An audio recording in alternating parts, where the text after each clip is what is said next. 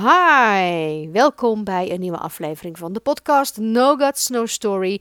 De podcast over genadeloos jezelf zijn en laten zien in je business en je leven.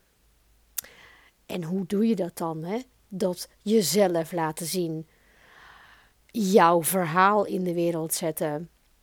Heb jij ook wel eens dat je denkt, ja, uh, welk verhaal dan precies? En, en, en, en moet het één groot verhaal zijn of uh, zijn het meerdere?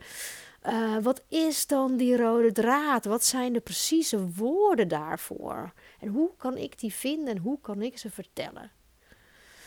Mijn naam is Eve Lanois. Ik ben eigenaar van Bohemien met de pen. En ik help vrouwelijke ondernemers bij het vinden en vertellen van hun authentieke ondernemersverhaal. En um, in deze podcast wil ik het uh, met jou hebben over die rode draad, het vinden van die rode draad.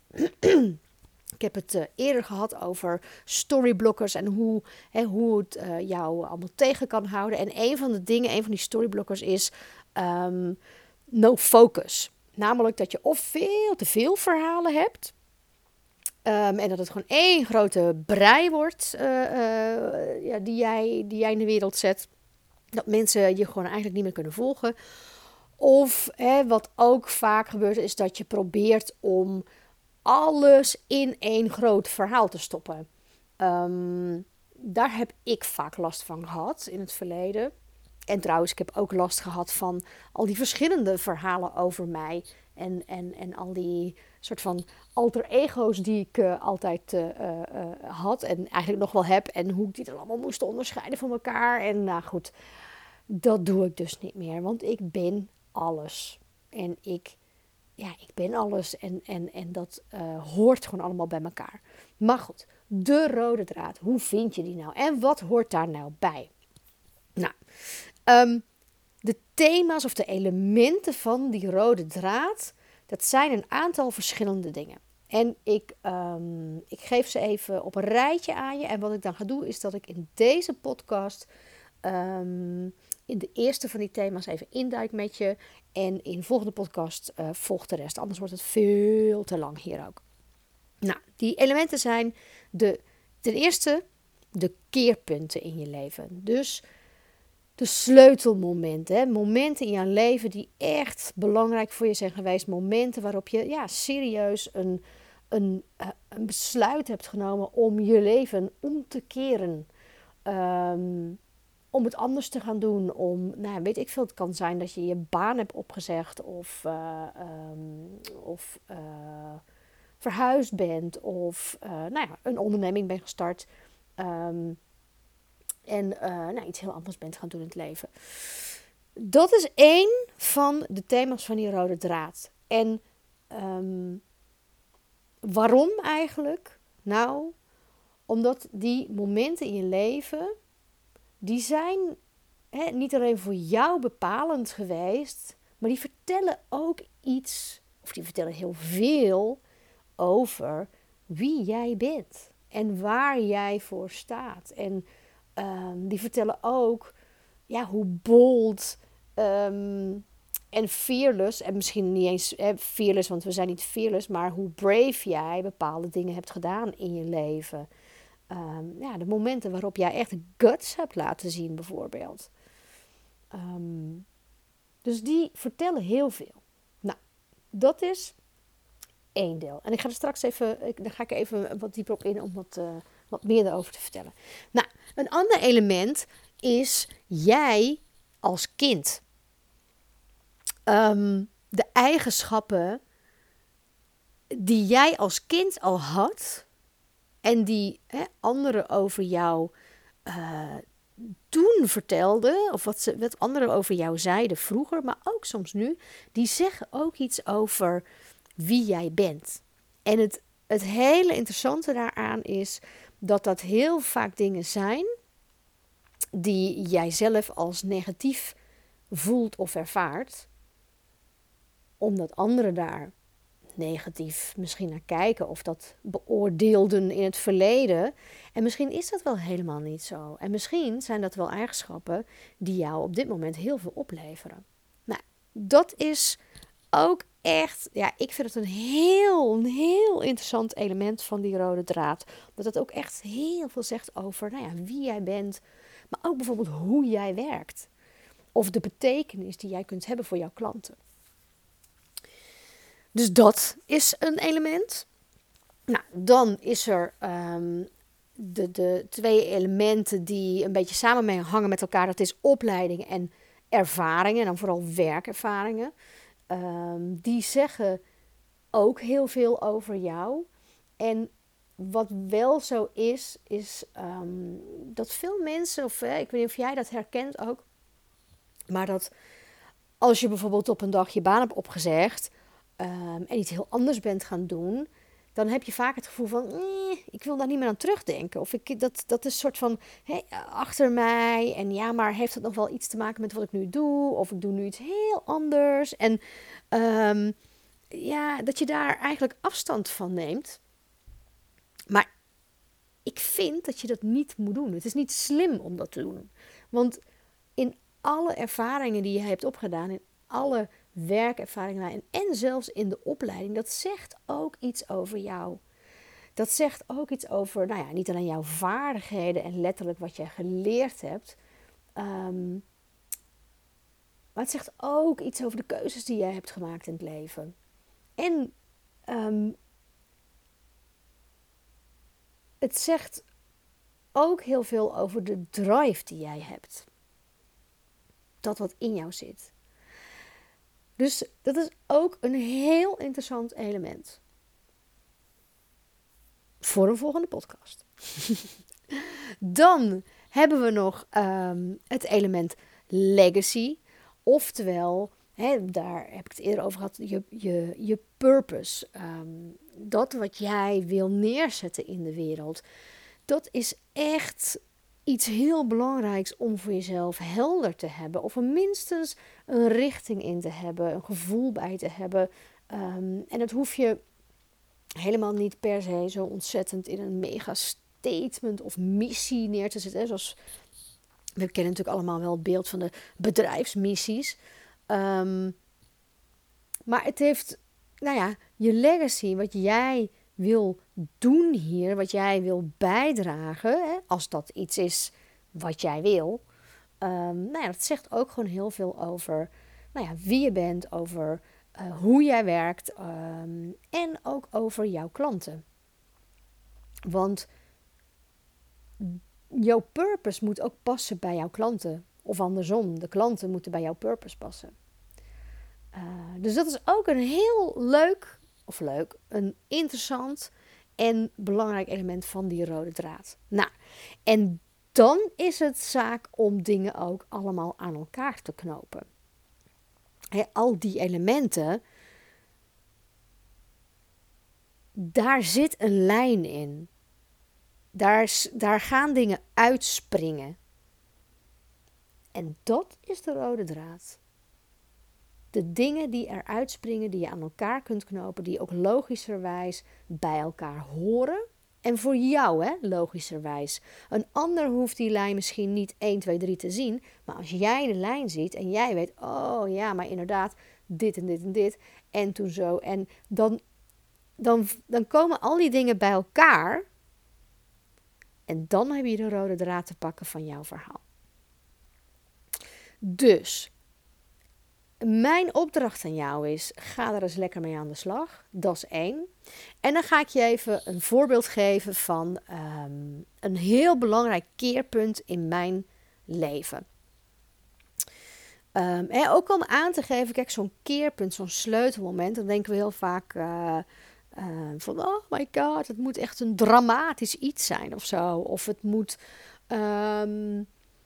uh, ja, veel mensen denken, ja, maar uh, uh, ik, ik ben nooit ingestort of ik heb nooit een burn-out gehad. Dus ja, hoe kan ik dan nu mensen met burn-out helpen of zo? Van ja, het, moet dramatisch zijn, het moet pijn doen, het moet helemaal in puin hebben gelegen.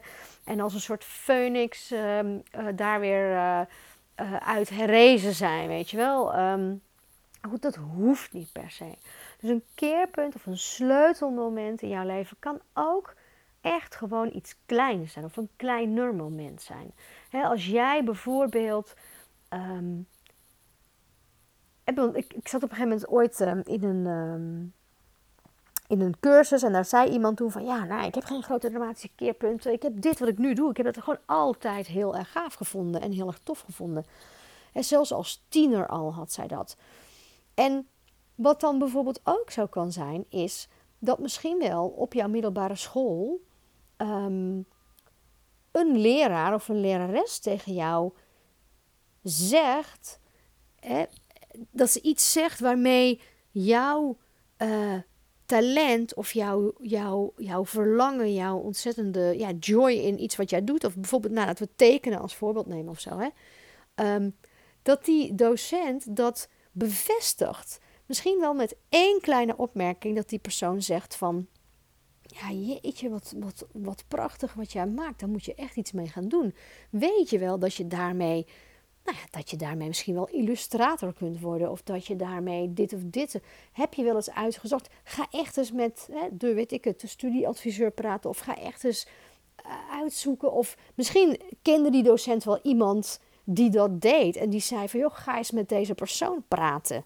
En dat jij dat hebt gedaan. En dat toen, op dat moment, op, dat dat zo'n keerpunt is geweest. Omdat jij toen, misschien wel als 16, 17-jarige voelt van wauw, dit kan dus. Dit is er mogelijk voor mij met mijn talent.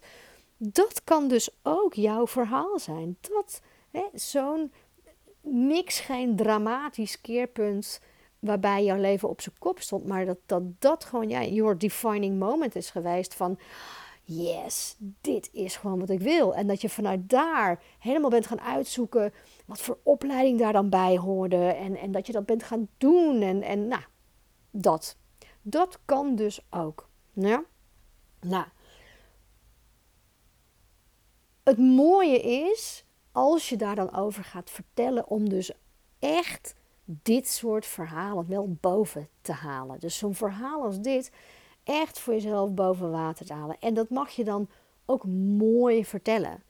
dat, dat gebruikt daar dan ja, geur en kleur bij en, en, en ja, geuren is een tekst maar in, in geuren en kleuren als in maak het zinnelijk, maak het voor mensen echt beeldend. Zorg dat, ja, dat iemand als die het leest denkt, oh wat gaaf, wauw, wat een gaaf moment moet dat geweest zijn als 17-jarige. En dat jouw klanten dan misschien wel denken, oh wauw. Uh, kijk, de een kan denken, wauw, had ik dat maar meegemaakt. En een ander kan denken, oh wat gaaf, wauw, zij heeft dus al altijd dat gedaan. Dat zit dus zo diep in haar. Het is een ontzettend mooi talent. En dat heeft ze vervolgens helemaal ontwikkeld. En bij haar moet ik gewoon zijn. Want zij, dat, de, de liefde voor hè, illustreren, die zit zo diep in die vrouw. Dus dat kun je daarmee laten zien en vertellen aan jouw klanten. Dus het hoeft geen drama te zijn. Het hoeft echt niet. En het kan ook zo zijn hè, dat we vaak denken we voor een verhaal dat zo'n keerpunt, um, ja, zou ik het zeggen, dat, dat, dat het moment dat dan het keerpunt is, dat daarna alles ook helemaal vlotjes en vanzelf ging. En dat het allemaal hè, in één keer goed ging daarna. En, uh, en, en nou ja, een soort happy, uh, hoe zeg je dat? Een, um, een happy, happily ever after. Ja, dat is natuurlijk niet zo.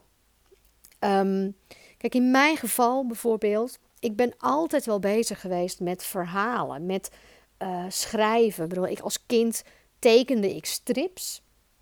Um, terwijl ik helemaal niet goed kan tekenen. Maar ik, ik hield en hou nog altijd heel erg van tekenen. Um, maar ik maakte natuurlijk wel een verhaal. En dat vond ik heel tof. Als tiener schreef ik uh, uh, vaak gedichtjes die nou, helemaal, nou ja, goed, echt een beetje van die romantische, clichématige gedichten. Maar ja, ik vond ze heerlijk om te maken. En um, uiteindelijk, ja, ik wist nooit wat ik uh, wilde doen in, in het leven. Um, ik dacht altijd, ja, ik wil zingen. Ik wil op een podium staan en zingen. Maar goed, ik ben niet echt een briljante zangeres. Dus ja, ik wist al vrij snel, dat gaat hem niet worden. Um, ik heb heel lang gedroomd van de toneelacademie. Maar ik, um, nou ja, in de omstandigheden waarin ik ben opgegroeid, durfde ik dat niet te doen. Ik voelde me daar niet uh, sterk genoeg voor, goed genoeg voor. En uiteindelijk heb ik um, gekozen voor een HBO-opleiding, culturele maatschappelijke vorming, waar wel uh, toneel en drama, als in uh, vak, uh, zat daar heel, erg in. En ook allerlei creatieve vakken. En dat vond ik echt fantastisch. Nou, en dat ben ik gaan doen. Nou, een hele lange weg. Ik ben, ik ben ook nog helemaal de weg kwijtgeraakt in die opleiding. Gestopt iets anders, weer gestopt iets anders. En uiteindelijk ben ik via um, het werken met langdurig werkelozen... ben ik um, eigenlijk als beleidsmedewerker bij de gemeente Den Haag... gerold in, um, in city marketing... En daar heb ik echt ontdekt dat ik uh, ja, goed kan schrijven. Daar heb ik heel veel geschreven. En ik, heb, ik, ja, ik sprong er daaruit in het schrijven door dat ik ja, heel leesbaar schreef. In vergelijking met natuurlijk hè, ambtenaren die daar uh, vaak uh, nou ja, volgtaal gebruik. Maar ook omdat ik heel erg goed kon um, ja, zeg dat, keuzes maken in wie is mijn lezer. En dus echt gericht op mijn lezer ging schrijven. En ik was heel goed in ja, met heel veel mensen uh, tegelijk iets maken en daar dan de essentie uithalen. En um, dat vond ik ook echt heel erg leuk. Ik had geen last van um, dat het allemaal per se mijn zinnen moesten zijn. Weet je wel? Het ging mij echt om, nou ja, de inhoud ging mij om het verhaal wat verteld moest worden.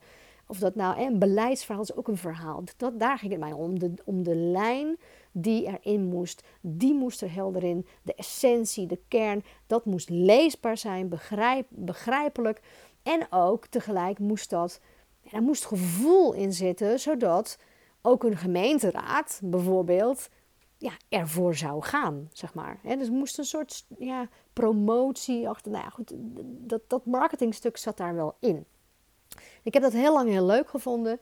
Maar op een gegeven moment um, ja, vond ik het niet meer zo leuk daar in die organisatie. Toen heb ik een paar maanden thuis gezeten, omdat ik echt een beetje overspannen was. En dat had ook met allerlei privé dingen te maken. En in die maanden ben ik voor mezelf gaan schrijven. Ik had een idee, het idee van mijn eerste boek had ik toen al. En ik ben dat gewoon gaan doen. Ik dacht, ik ga het gewoon doen. Het is nu of nooit. Um, en ik ben gewoon begonnen. Het was een weekend en ik dacht, ik, uh, uh, ga ik nou schrijven? Of nee, ga ik nou klussen in mijn huis? Of ga ik dit nu doen? Dacht ik, nee, ik ga dit doen. Dus ik ben met mijn laptopje naar mijn favoriete kroeg gegaan. Ben gaan zitten en ik heb het eerste verhaal van die verhalenbundel heb ik in één keer daar geschreven. En toen dacht ik echt, wow, holy fuck, dit, dit is wat ik wil. Hier wil ik echt meer van. En in die maanden thuis ben ik dus aan het schrijven geslagen. Heb ik ook allerlei mensen ontmoet, allerlei schrijvers en uh, kunstenaars ontmoet. En dus ik heb echt een beetje geroken aan een wereld, een artistieke wereld waar ik eigenlijk altijd van heb gedroomd. En um, nou ja, toen kwam wel de dag dat ik weer moest reïntegreren op mijn werk. En toen dacht ik van ja, wat ga ik nu doen? En nou ja, de verstandige kant in mij dacht, weet je wat, ik ga eerst gewoon weer aan het werk en dan zien we het wel wat ik ga doen. En dan, uh, dat beslis ik dan later wel. Uh, ja, ik had een eigen huis, uh, ik had een auto en ja, ik had een, een, een, vrij goede baan met een goed salaris. En uh, dat is, ja, dat, ik zat nog erg in de lijn van daar, daar wil ik aan vasthouden. En op een dag stap ik het stadhuis van Den Haag binnen ik werkte op het stadhuis. Dat heet het S-paleis. Dat is een heel groot wit gebouw. En daarna geven ze uh, gebouwen uh, vaak bijnamen. Dit heet het S-paleis. En um, om dat gebouw binnen te komen, kom je door een soort enorme draaideur. Echt een soort sluis is dat zo'n beetje. Uh, waar je doorheen komt. En ik stapte daarin. Oh, ik weet het echt. Ik kan het gewoon echt, echt nog voelen als ik er gewoon nu aan terug Ik zie mezelf gewoon die, die stappen nemen, die deur ingaat, die draaideur. En ik, oh, ik kan het gewoon voelen, ik kan het geluid bijna horen gewoon. En ik, ik, ik kom dus binnen in die, ik, ik, ik, ja, alsof je zo door zo'n draaideur soort uitge, uitgespuugd wordt, weet je wel. Je, je vloep, je staat daar. En ik kijk omhoog en het is elf verdiepingen hoog. En het is en die ruimte en, en, en langs weerszijden zie ik zo al die raampjes van die kantoortjes. Van, en, en, ik, en het komt op me af. En ik kan alleen maar. Ik denk echt, ah, nee.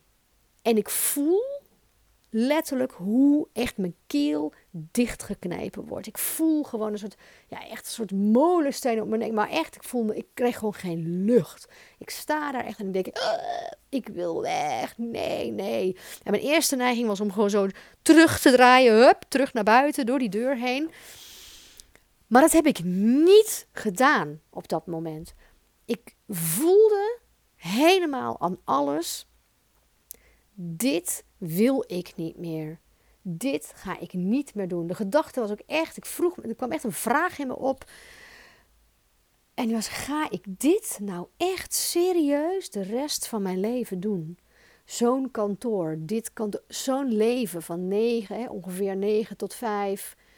Mijn uren waren meer van half tien tot half zeven, maar goed. Ehm, dat ik echt dacht, is dit het nu? Ga ik dit en toen dacht en ik kon dus alleen maar denken: nee, nee, nee. Dat was echt, echt een heel groot sleutelmoment voor mij. Echt een keerpunt in mijn leven. Maar het is dus niet zo. Ik ben niet naar buiten gegaan. Ik ben die dag gewoon aan het werk gegaan. Ik ben nog zelfs een half jaar gewoon aan het werk geweest. Omdat ik dacht: oké, dit is wat ik wil. Maar ja, wat dan? Ik kan moeilijk helemaal niets gaan doen nu. Dus ik dacht wel, ik ga reintegreren en dan ga ik het eens rustig uitzoeken. Dat heb ik gedaan, want minder dan een jaar later had ik mijn baan opgezegd.